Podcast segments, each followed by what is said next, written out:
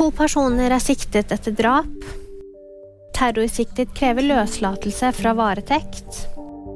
Og syrisk kvinne mistenkt for bombeangrep i Tyrkia. To personer er siktet etter drap i Stavanger. Det er en mann i 30-årene og en kvinne i 50-årene. De er siktet for drap eller medvirkning til drap etter at en mann i 40-årene lørdag kveld ble funnet død i en leilighet i Stavanger. Terrorsiktede Sanyar Matapour fremstilles for ny varetektsfengsling i dag. Forsvareren hans sier at han ønsker løslatelse. Matapour er siktet for barskytingen i Oslo natt til 25. juni. En syrisk kvinne er mistenkt for bombeangrepet i Istanbul. Det skriver nyhetsbyrået Reuters, som viser til uttalelser fra lokale myndigheter. Politiet har anholdt 46 personer etter eksplosjonen. Kvinnen skal være blant disse. Og VG-nyhetene de fikk du av meg, Jamanpreet Gahr.